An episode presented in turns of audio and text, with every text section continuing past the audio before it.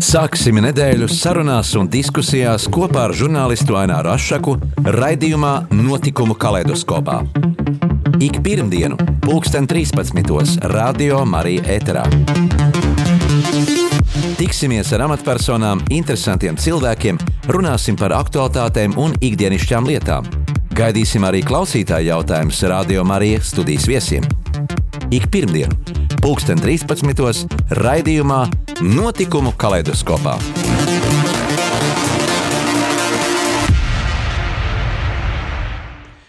Esiet sveicināti, radio klausītāji!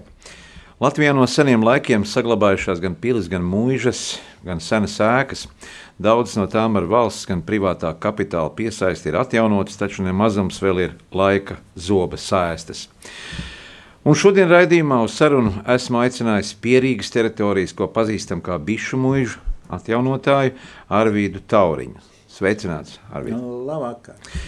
Jā, kas jūs pamudināja pievērsties šīs vēsturiskās vietas atjaunošanai, bišu mūžai, ko mēs pazīstam ar bišu mūžu, kur iet šis desmitais tramvajs, un ko rīdzinieki sauc par nu, tādu Rīgas, varētu teikt, nomali?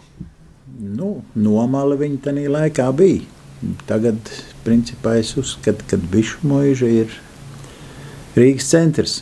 Tad, kad uztaisīja dienvidu tiltu, nu, izņemot Bolderāju un Vecmilgrāvu, uz jebkuru vietu, nu, maksimums 20 minūšu laikā var aizbraukt.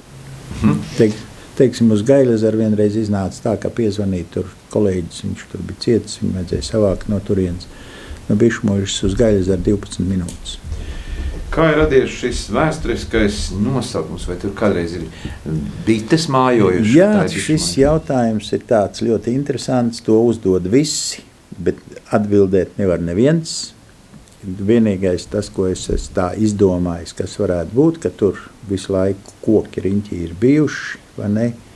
Un kad koku dobumos varētu būt bijušas bites, ja? no tā arī tas nosaukums. Tur ir audzēti ogāji, krūmi visādi un viss kaut kas, bet nekad nekas nav bijis saistīts ar bitēm. Tagad gan mums pēdējos trīs gadus viens draunieks uh, ved stropus, nu, 20 līdz 30 tieši liepziedu laikā. Nu, šī teritorija, varētu teikt, ir nu, paliela. Tie ir 13 hektāri, kā es izlasīju inter, internetā, kur arī ir apraksts par bišu mūžu. Uh, kas šai teritorijā mm, kopumā ietilps, kas tur ir ēkas un, un kas tur tiek apskatīts? Nu, savā laikā tur ir bijuši 14 ēkas, vai ne? Tagad ir mazāk bet nu, mums ir tā, tā, tā izpēta uztaisīta, un tādās vietās, kur tās ēkas ir bijušas, principā varētu dabūt atļauju uzcelt. Bet nu, tas ir naudas jautājums. Teiksim, eh, arī proces tādā gleznā, kas ir, kur ir bišu mūža, un aizmugurē var redzēt trīs stāvu ēku cukurfabriku. Ne, mēs viņu meklējām ilgi un dikti un nevarējām atrast, kurā vietā viņa ir atradusies. Netīšām vienkārši. Viena vajadzēja tādu tranšēņu rakt un uzrakāmies uz pamatiem. Nu, mākslinieks ir mākslinieks, viņš jau dara, kā viņam vajag. Viņam vajag visas sēklas vienā bildē dabūt iekšā. Viņš mūžīgi pabīd uz vienu pusi, cukurfabriku uz otru pusi, viss ir uzzīmēts, viss ir kārtībā. Ne? Tad par to cukurfabriku runājot. Viņu uzcēla 1812. gadā. Un uzcēla tā iemesla dēļ, kad Krievija tajā laikā atteicās nu, Latvijai, nu, tas, kā lai saka, tam Latvijas apgabalam, dot cukuru. Tātad tas bija labs bizness. Viņš uztaisīja cukurfabriku, viņš bija uh, Jēkabs Brandenburgs, eh, Rīgas rātas loceklis, vai ne? Viņam tur Baltvācieti. Nu jā, un, un, un tad viņi te 12 gadus viņi darbojās. Pēc 12 gadiem atkal Krievija sāk to cukuru dot, tad viņš uztaisīja vēl labāku lietu. Viņš uztaisīja spirti brūzi. Tad, kad mēs sākām tur darboties jau kā Sijā, vai ne, no sākuma gan akciju sabiedrība, vēl no kur gadu jūs sākat darboties? Kā akciju sabiedrība mēs sākām darboties no 94. gada. vēl pēc kādiem trim, četriem gadiem mēs pārtaisījām par sijāvi. Un, un, un, un, tā kā nu, līdz šim momentam mēs esam sijāva, ne, un, un, un no sākuma mēs bijām četri cilvēki, kas regulāri dežūrējām katru ceturto diennakti tur uz vietas, lai tur viss neizlaupītu. Tas ir pēc tam, kad Padomu Savienība izjuka un kad uh, Latvijas Jā. brīvvalsts bija un bija iespēja jau faktiski šos īpašumus nu, sākās, privatizēt. sākās privatizācija mm -hmm. visu šo uzņēmumu. Mēs bijām principā pirmie, kas uzsāka tādu objektu privatizāciju un noprivatizējām daudz vēlāk nekā tie, kas sāka vēlāk pa mums. Jo, kā lai saka, daudzi apķērās, ko viņi ir izdarījuši, ka viņi ir devuši kaut kādam tur parastam cilvēkam tādu objektu kā bišmuīša. Ko nozīmē tas termiņš parastais cilvēks, tikko pieminētais nu, ku, ku, kuram, kā lai saka, nav nekur spalvaina roka, kas var kaut ko kas pabīdīt. Kas ar un, politiskām partijām? Jā, jā. Tādā veidā, un, un, un ne no kurienes ne, nepiespēlē naudas, ne, un tā, tādā veidā. Nu, tad mēs viņu noprivatizējām. Pēc tam jau, kad uh, nācām pie slēdziena, kad stikla rūpnīca vairāk mums neizdosies atjaunot, jo uh, kredītus nevar dabūt, ne, un viss, bet, nu, mēs noturējāmies principā bez gan arī četrus gadus mēs strādājām tāpat mums arī alga nebija. Bez peļņas. Ja? Bet, nē, neiet runa par peļņu. Mums vispār nebija nekāda ienākuma. Bija Kāda bija minimāli. tā jūsu produkcija, ko jūs ražojāt tajā laikā? Tanī laikā jau mēs neražojām vairs neko. Mēs mēģinājām pārdot kaut ko no tā, kas bija saražots. Mums šķūņos tā, stāvēja vēl saražotās pudeles, ko dzintaram, un, un arī attiecīgi uz, uz, uz plašo Krieviju sūtīja jo mums pudeles kvalitāte bija ļoti laba. Es saku, mēs četrus gadus maksājām tikai nodokļus no algām, ja, četriem cilvēkiem. Un, mm. Algas izmaksājām pēc tam, kad sāk mums nākt nauda. Kā pašam nu, bija tā specialitāte tieši ar stikla ražošanu? Jā, es pabeidzu 75. gadā stikla un sitālu tehnoloģiju tehnologs un aizgāju uz turieni strādāt, sāk strādāt par stikla kausētāju. Vēlāk jau sāk strādāt īstajā profesijā jau par tehnologu. Nu, pēc tam pēc tehnologa, tad, kad vecais šefs gāja pensijā, tad sāku strādāt par ceļu priekšnieku. Un tad 88. gadā mēs uztaisījām valsts uzņēmumu bišmuišu, jo Latvijas stikls, pie kā mēs bijām piesaistīti kā otrais cehs, eh, gribēja mūs likvidēt. Un mēs principā atjaunojāmies, sākām ražot. Atkal mums bija 14 brigādes, tā kā 75. gadā, kad es tur aizgāju. Savākt cilvēkus bija ļoti grūti. Ir piecas tie pusautomāti, tie bija tādi, kas, kā institūtā mums teica, nu, ja jums būs tādas iekārtas, tad jūs uz vietas iemācīsieties, bet tādas vairs nekur nav. Un aizgāju uz turieni, un tur ir piecas tādas, un citādas nav nekas. Ko nozīmē tas pārmaiņu laiks? Eh, kad eh, nu, mainījās šī vara, lai saturētu kaut kādu ražošanu, un, un varbūt arī daudz citas šīs eh, fabrikas, kas bija kurām bija iespēja vēl turpināt darbu. Ka, nu. ka, kur, kur tas noslēpums, kāpēc tas tika sagrauts? Kāpēc eh, tajā pašā Lietuvā, Igaunijā to stikla uh, tāru nu, ražo joprojām, bet nu, Latvijā tas nu, nav? No valsts puses bija lielāks atbalsts. Teiksim. Tad, kad jau bija 90. gadi, nu, mēs līdz 94. noturējāmies. Mm -hmm. Tas bija teiksim, tā, mums par saražoto produkciju maksāja daļai naudā un daļai maksāja dzintars smaržās. Barterī tā kā. Barteris, jā. Un uh, mums, lai mēs varētu kausēt stiklu, mums vajadzēja aviācijas petroliju.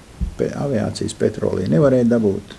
sāka vest dīzeļdegvielu, no to bojājās stikla kvalitāte, tad uh, mēs tur ķīmiskā ceļā viņu uzturējām, lai būtu normāls stikls vispārējais. Pēc tam arī to nevarēja dabūt, tad mēs ogles, ko mums vajadzēja, un petrolī, ko vajadzēja, to, to, to visu mēs uh, kaut ko tirgojām dzintars māržas. Mm -hmm. Pieaugot ražošanas pirkām, jā, pat, pat to atkal pirkām degvielu. Cilvēkiem tāpat maksāja daļu naudā, daļu smaržās. Nu, pie mums tādā laikā smaržas varēja nopirkt lētāk nekā dzintarā. Bija iespējams arī kaut kur tā smarža nu, realizēt nu, cilvēkiem. Izmantojot Latvijas rādio, mums arī tur reklāma bija ka mēs tirgojam. Nu, pie mums brauc, mēs tirgojam. Jā, tirgojam. Kā šobrīd bišu mūža, kā teritorija spēja izdzīvot, pastāvēt, ko nozīmē būt privātam investoram, kur ieguldīt naudu, lai saturētu šo lielo teritoriju un lai tā var nu, tagad, izdzīvot. Tagad no šīs vasaras principā mums ir izīrētas visas telpas. Ilgi gāja, kamēr līdz tam nonācām. Naudas mums gan arī tagad nepietiek, ne? bet es esmu izgājis uz to, ka teiksim, atnāk cilvēks, viņam šīs telpas interesē. Es saku, es viņus uzreiz nevaru atremontēt, nevaru iedot tādas, kā jūs gribat. Es saku, bet piedāvājums, piedāvājums ļoti vienkārši. Jūs viņus atremontējiet, mēs novienojamies par summu un izreikinām, cik gadus jūs dzīvojat bez īres maksas. Un tā, tā, tā mums ir ļoti daudz telpas aizgājušas. Paralēli tam mēs vēl par to naudu, ko mēs atkal iegūstam no telpām, par kurām mums maksā, ne, eh, restaurējam. Tā esam nākošās. Jā, salīdzinot eh, to laiku, eh, pārmaiņu laiku, mm, darbojoties kā biznesmenim, un šajā laikā darbojoties kā biznesmenim, varbūt var, var var pateikt, kur, kādi plusi bija toreiz un kādi plusi ir šodien un kādi ir mīnusi? Pārmaiņu laikā, pārmaiņu laikā, principā. Nu, varbūt varēja kaut ko mēģināt vairāk izdarīt tādu, kas nepārāk likumīgi ir, bet nevienu tas neinteresēja. Ka bija izdarīts viss, tad jau viss bija kārtībā un par to tālāk neviens neinteresējās. Tagad, teiksim, kaut vai tādu vienkāršu lietu, es jau cik gadus mēģinu atjaunot dzirnavu dīķi, tas ir desmitā tramvaja galpunktā, tur pie paša galpunkta ir tāds padziļinājums, var redzēt, ka tur ir bijis ūdens, ja? Viņš ir 2,5 hektāri liels, viņš ir aizaudzis ar melnalkšņiem, jo bišmuži bija visos laikos populāra to, kad tas bija melnalkšņu parks tur. Tagad gan bija aizaudzis stipri viss ar kļavām. Nu, no tām kļavām mēs lēnā garā dabūjām atļaujas. Mēs varējām izzāģēt daudz ko tur. Un, jo paša parka teritorija arī bija viss nu, aizaugusi. Tā kā vienā reizē, kad mēs prasījām atļauju iz, izzāģēt dzirnavu dīķi, tad laikā nesauksim vārdā Rīgas galvenā dārzniece tādu tekstiņu pabīdīju, pa kuru būtu jāsmējās jebkuram. Viņi grib izāģēt Rīgas zaļo bagātību, kokus, kuri aug 4 līdz 8 uz 1 kvadrātmetru. Un tur tādā sanāksmē bija no nu, 50 cilvēkiem. Un blakus man sēdēja Ingūns Līdaka. Viņam vienīgajam bija jautājums, atvainojiet, kas tie ir pa kokiem, kas aug 8 kvadrātmetrus. nu, mums atteica. Mums atteica Tagad muzikāla pauzīte. Atgādinām mūsu klausītājiem, ka mēs šobrīd studijā sarunājamies ar, varētu teikt, mužu kungu, ar bišu mužas eh, saimnieku, atjaunotāju Arvīdu Tauriņu. Un lai skan dziesma, mm, kas arī apdzied šo, šo teritoriju, varētu teikt, un uz kurien ved desmitais tramvajs. Lai skan dziesma par desmito tramvaju.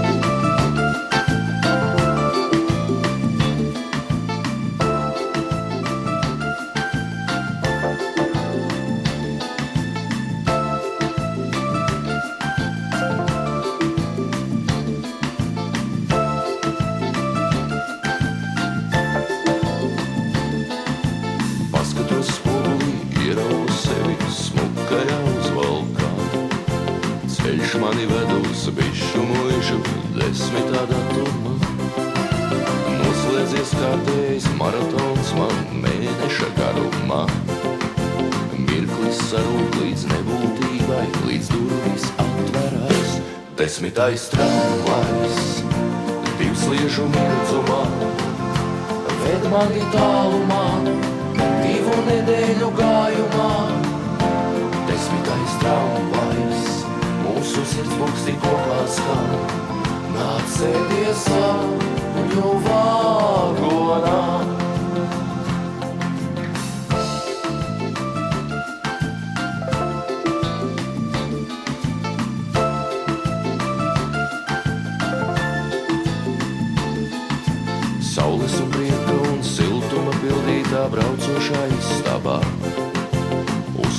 bērni un konduktors jēkabs sauc mani uzvārdā. Sveic mani koki un puķes un zāle un pilošais saldējums. Višu muižā sagaidīs mani iztikas minimums. Desmitais tramvajs, divsliežu mirdzumā, ved mani tālumā, divu nedēļu gājumā. Mūsu sirds buksti kopā skan, nāc sēdies sapņu vāgonā. Desmitais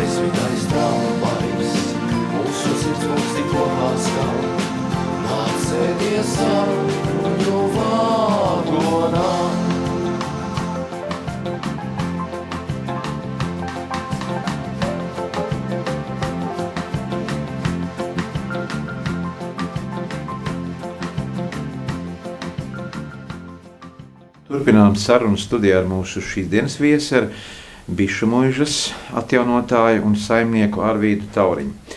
Arvīd, šī teritorija noteikti arī piesaista daudz turistus un interesi ir ceļotājiem, gan arī Latvijas turistiem, ekskursantiem, tāpat arī iebraukušiem no citām zemēm. Nu, ir. Mēs esam tādā grāmatiņā, ko Rīga reklamē, tos objektus, ko vajag apmeklēt.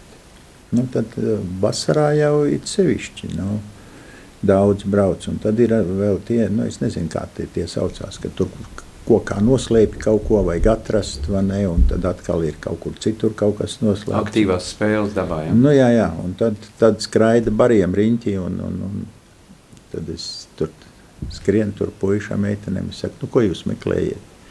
Nu, tur ir jābūt kaut kādiem pagrabiem, tur kas es saku, nu, tad ejiet uz turieni, tur būs. Tā viņi skraida un meklē gar muižu, bet tas ir eh, teritorijas pašā, pašā maliņā. Tad, tad cilvēki tiecās pēc dabas, pēc, pēc eh, tā, tās, tās brīvības vairāk. Nu, jā, nu, tagad mums jau ir vēl labāk. Mums ir viena īrnieka muižas pagrabā iekārtojušies uh, tāda firma Posnos. Un viņi organizē pa visu pasauli turistu ekskursijas. Nu, šī gadā viņiem bija divi, trīs pasākumi, kad uh, visa gulbja iela, tas ir no desmitā tramvaja līdz tur kaut kur 200-300 mašīnas, tie cilvēki sabraukuši, vai ne, viņiem bija pasākumi, tie tika taisīti tur uz vietas. Nu, vienmēr sakot, mēs tā lēnā garā Izveidojot Nu, savu nu, tādu atpazīstamību. atpazīstamību. Jā.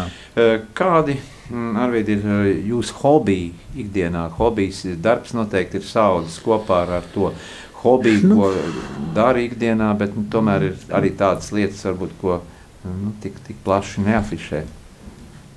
Nu, viens no hobijiem, visvecākais, tas ir, ka man bija kādi seši gadi, es sāku krāt markas. Nu, krājies viņas joprojām, ne? Vēlāk sāku krāt pletīzers, sāk ar čugunu, vai ne? Nonāca pie slēdziena, ka līdz 60 pagājušā gadsimta 60 gadiem var arī krāt elektriskos, jo viņi ir daudz savādāk nekā tagadēji. Tie ir gludekļi. Jā, jā, viņi visi ir tādi smagi. Un, tad, kad, kad man kāds atnāk skatīties, es saku, nu, parādi, kurš ir smagākais. Mm -hmm. Visi ķerās klāt tiem čugunniekiem un cilā. Bet nekā ir tāds uh, Latvijas laiks kroderi, pletīzers, ar ko mēteļus gludināja.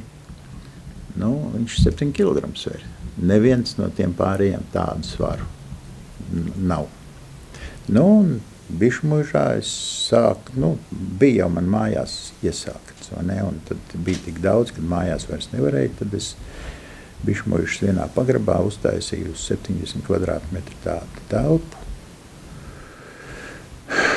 Viss, ka- ka- kas ir saistīts ar stiklu. Sāku to, tas, nu, alus pudeles, šņābi pudeles ar interesām figu- nu, to konfigurāciju pudelē, katrai šai pudelē savs tāds stāsts. Ir, ja? Nu, jā, un, un, un tad ir arī dabūts tās, kas ir Latvijas laika alus pudeles, simts un vairāk gadu vecas, kur vēl uz uh, alus pudeles otrā pusē uzrakstīts Ņepradajotsa. Alu var dabūt nopirkt, bet pu- pudeli nē. Tā kā, nu, tad ir alus kausi, alus glāzes, nu, un pakāpeniski vāc arī, ko var dabūt uh, no Ilciem rūpnīcas. Nu, Latvijas stikla laiks, vai ne, bet pirms tam Latvijas laikā eh, tās glāzītes, kas ir taisītas un, un vāzītas un visādas tādas lietas. Nu, viņas ir bijušas šikākas nekā taisīja padomu laikā, vai ne? Nu, nerunājot jau par šo laiku tiem, tiem, tiem stikla izstrādājumiem, ko mums veikalos tirgo. Arvīt, kā ir mainījusies šī sabiedrības attieksme pret dabu, pret kultūra vēsturiskiem objektiem, nu, arī salīdzinām ar, ar, ar, ar aizgājušo laiku un šodienu. Kā ir mainījušies, uh, mainījusies attieksme jaunieši, kā pret to visu attiecās? Tā attieksme ir jāsaka, tā ļoti, ļoti izteikta pretējiem poliem. Teiksim, brauc ar džipu pa teritoriju. Nu, es paceļu loku, ai apstājās, es prasu, ko jūs meklējat, jo īrnieki daudz. A mēs apskatām mūžu. Es saku, kā apskatiet mūžu? Es saku, nu, pa mašīnas logu jau redz. Es teicu, ā, nu skaidrs. A, ir tādi, kas pie, pienāk klāt un interesējās, teiksim, vai var tikt arī tādā ēkā iekšā, apskatīties, un kas ir, vai var kaut ko pastāstīt, vai ne. Nu, ir cilvēki ar interesi, kas nāk, un ir tā, ne, ka viņam vienkārši tā kā, kā Krievs saka, gālačku jāpieliek, ka viņš tur ir bijis. Atzīmēties. Ja? Jā. Nu, kā ar uh, kultūras uh, dzīvi, ar kultūras pasākumiem, tie šobrīd Covid laikā ir visiem sarežģīti mm, bijis, bet nu, tomēr šī kultūras dzīve kaut kad jau atzīmes. Un, un vai jums Jā. ir savas tradīcijas, ko esat jau radījuši nu, savā bišu mažā? No pagājušā gada bišmužā ir tautas teātris, ir telps, tāds Audis Pomers. Viņš ir tas režisors tur. Nu, tagad ir grūtāk viņiem, bet nu, viņi ir jau pāris izrādes parādījuši. Tagad bija paredzēta vēl viena, bet sakarā ar Covid nevarēja to izdarīt. Nu, tagad būs vai nu februāra beigās vai martā. nu, tad mums notiek regulāri katru gadu vietējo iedzīvotāju sajietas, ko mēs taisām ar Bišmužas biblioteku, bet nu, tagad šogad būs otrais gads bez bibliotekas, jo Bišmužas biblioteka kā tāda, principā var teikt, ir likvidēta. Viņi tagad atrodas pie CSDD, bet nu, tur ar to Bišmužu vairs viņiem nekāda saistība nav. Jā, savulaik jums arī bijuši zīriki. Um, arī tas ir tāds, tāds uh, turists pievilinošs Nu, jā, nu, faktors. tas, tas drīzāk bija vairāk hobijs nekā kaut kāds bizness. Mēs mēģinājām to biznesu attīstīt, bet nu, viņš izrādījās trāpījās tajā krīzes laikā, un tad mums tur nekas nesanāca. Bet interesanti lieta ir tā, kad uh, tajā laikā atnāca no skolas, no Ma Maksas Krievijas skolas 9. klases skolnieki, un viņi nezināja, kas ir arkls. Un es tajā momentā sapratu, ka jāsāk vākt visādas zirglietas, ne, un tad es savācu veselu šķūnu pīnu, un nu, daudz kas bija jārestaurē, un viss kaut kas, šis tas man vēl ir palicis no tā, ko es negribēju atdot prom. Un tad es sapratu, ka es viņu nevarēšu pavilkt, ka tas ir, nu, kaut kā jārealizē, kaut kas jādara. Un tad uzrādījās viens kalējs, kuram interesēja viss tā lieta. Viņš aizved to visu uz liepāju. Bet mēs sarunājām, ka viņš mums izkals sešas lustras muižai. Divas mums jau tagad ir, vēl četras ir jādara. Tā kā Vēl uh, pirms dažiem gadiem skaļi tika afišēts un, un, un reklamēts, ka paralimpieši mūs ir tur arī savu teritoriju, zemes gabalu būvēs uh, treniņu centru, kas varētu kalpot par, par mācību bāzi, jo mūsu olimpieši ir uh, parādījuši starptautiskā arēnā labus rezultātus, Aikars Apins, tāpat arī vēl daudz citi šķēpmetēji, diska mm, grūdēji. Un, un, tad, kā šo paraolimpisko centru vai, vai šie solījumi, ko valsts solījumi ir, nu, attaisnojušies? cik, cik mums tā informācija ir, vai ne, to, to teritoriju viņi nopirka. Kādā veidā viņi nopirka, es īsti nezinu, bet tad piederēja vienai Amerikas Latvietei. Mhm. Un tad tas sāka pāris reizes pa televizoru rādīts, ka tur no, tagad notiks tā celtniecība un vispārējais. Un pagājušajā gadā tie turisti, kas pie mums arī īrē telpas, viņi taisīja vienu pasākumu. Tur bija, tur bija arī tie, nu, es nezinu, vai tie bija saistīti ar paralimpiešiem, bet nu, kaut kādi sportisti viņi bija. Jo tur bija nu, tādi cilvēki, kas no nu, ratiņos sēž un šauj ar loku. Un, un, un tur arī tāds pasākums bija. Un tad, eh, tā informācija tāda, ka valsts viņiem nav līdzekļus iedevusi. Ja, bez, ja viņiem līdzekļus neiedos par saviem līdzekļiem, viņi tas ir vairāk kā skaidrs, neko tur neuzcels. Jā. Eh, Esot rādījumā, arī studijā gribēju tev uzdot arī jautājumu, eh, kā ar šīm kristīgām vērtībām, ar kristīgo dzīvi, vai tev ir kādas atmiņas arī no vecākiem, no bērnības, baznīcu? nu, man ir. Es negāju dārziņā. Es dzīvoju pie tādas tantes, ko es saucu par M stanti, jo viņai vārds bija Emma. Un viņa bija ļoti ticīga. Un uh, viņa tajā laikā, nu, es kaut ko atceros jau no 3, no 4 gadu vecuma. Mēs gājām uz Domu baznīcu. Un, un, un, un tad, kad viņi teica, ka ir stiprais sprediķis, bija tādas reizes, kad man vajag divreiz dienā uz turieni. Bet, nu, tas bija tā stipri pareti, bet nu, tāda pasākuma arī bija. Un tad es atceros vienu tādu pasākumu, kad bija atbraucis no Romas nu, kaut kāds augstāks mācītājs. Kuri gadi tie bija? Tie bija 50. Pie. Tas ir, nu, es domāju, ka tas varētu būt kaut kur 54. varbūt 55. Mm -hmm. Citādi es tā īpaši labi neatcerētos. Es esmu 51. gads. Nu, kādas tās atmiņas bija? nu, tādā sarkanā mantijā, un tāda cepura viņam bija galvā. Un iešana iekšā bija tieši no doma laukuma pa tām trepēm. tur stāvēja tie stabiņi ar tām tresēm, kas tā ir, vai ne? Un es tiku izbīdīts tur pirmajās rindās. Nu, un tad uh, viņš gāja garām un paglaudīja man galvu. Tā kā es saku, kad es esmu ticis pie, pie, pie galvas glaudīšanas no kaut kāda augststāvoša mācītāja. Jā, varbūt šie augstākie stāvošie spēki arī palīdzējuši šai dzīvē. Uh, Var jau būt. Tikt, tikt tālāk un, un, un, un, un kalpot eh, savai Latvijai, to atjaunot un atjaunot kādu skaistu vietu. Jā, esot radījumā arī studijā, arī gribētu tev pajautāt, vai gribētu novēlēt kādu, nu, kāds, tev būtu kāds novēlējums eh, mūsu klausītājiem? No ko lai novēlu? Mūsu pašreizējā laikā izturēt to covid, visu, lai viss labi beidzās. Nu,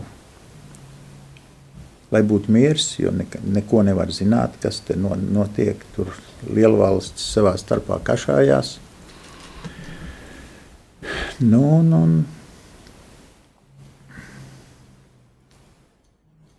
Nevajag aizmirst, nu, es ne, ne, nemāku teikt, es tāds īpaši ticīgs neesmu bet ka kaut kāds augstāks spēks ir, tam es piekrītu.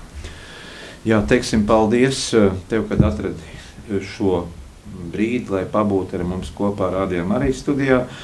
Un gribētu es novēlēt, lai, lai visi labie gari stāv klāt, lai šī teritorija ceļ un plauks, lai, lai izdodas restaurēt uh, bišu mūžu, visas sēkas, kompleksus, un lai mēs varam uh, teikt lielu, lielu paldies par to ieguldīto darbu, eh, kas ir nu, viena skaista sava zemes stūri, labā paveikts, savas Latvijas labā. Eh, atgādinu mūsu klausītājiem, ka šodien mēs studijā sarunājamies ar bišu mūžu atjaunotāju Mušu kungu un uh, bišu mūžu saimnieku Arvīdu Tauriņu. Lai labi veicās. Paldies jums un apmeklējiet bišu mūžu. Paldies. Parādīsim, izstāstīsim. Nu, tad jā. Paldies!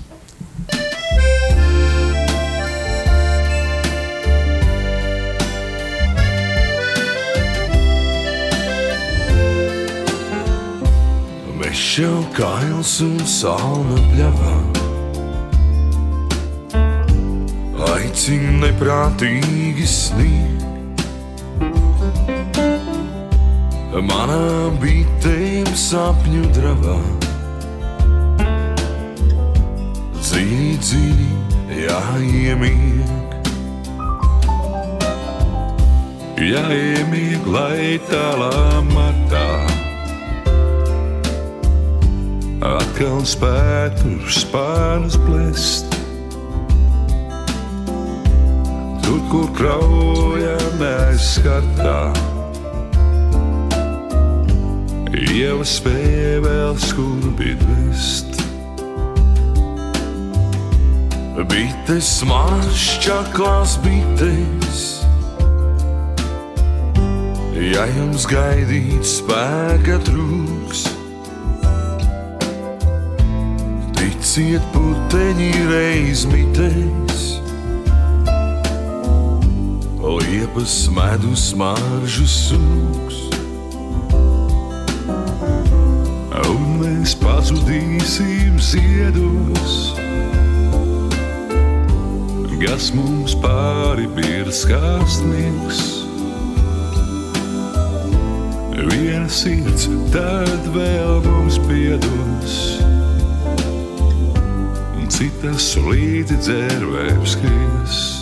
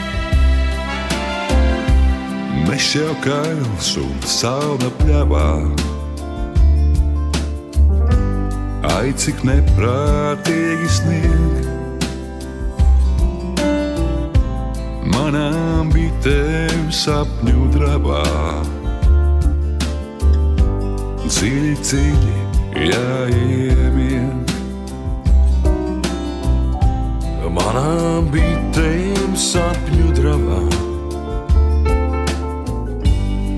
Dziļi, dziļi jāiemiet.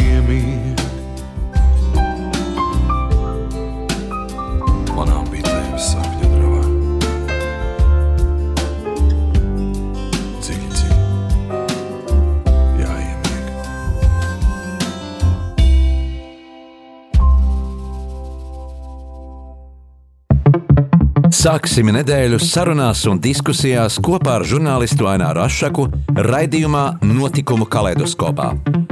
Ik pirmdienu, pulksten 13. Radio Marija Eterā.